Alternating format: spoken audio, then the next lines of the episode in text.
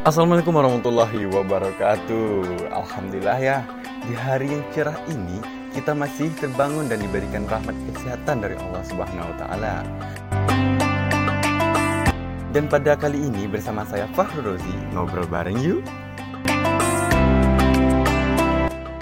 Sebelumnya saya mengucapkan minal aidin wal faizin Mohon maaf lahir dan batin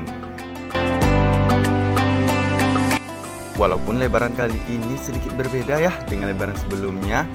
Ya karena adanya pandemi corona bisa sangat jahat kepada kita.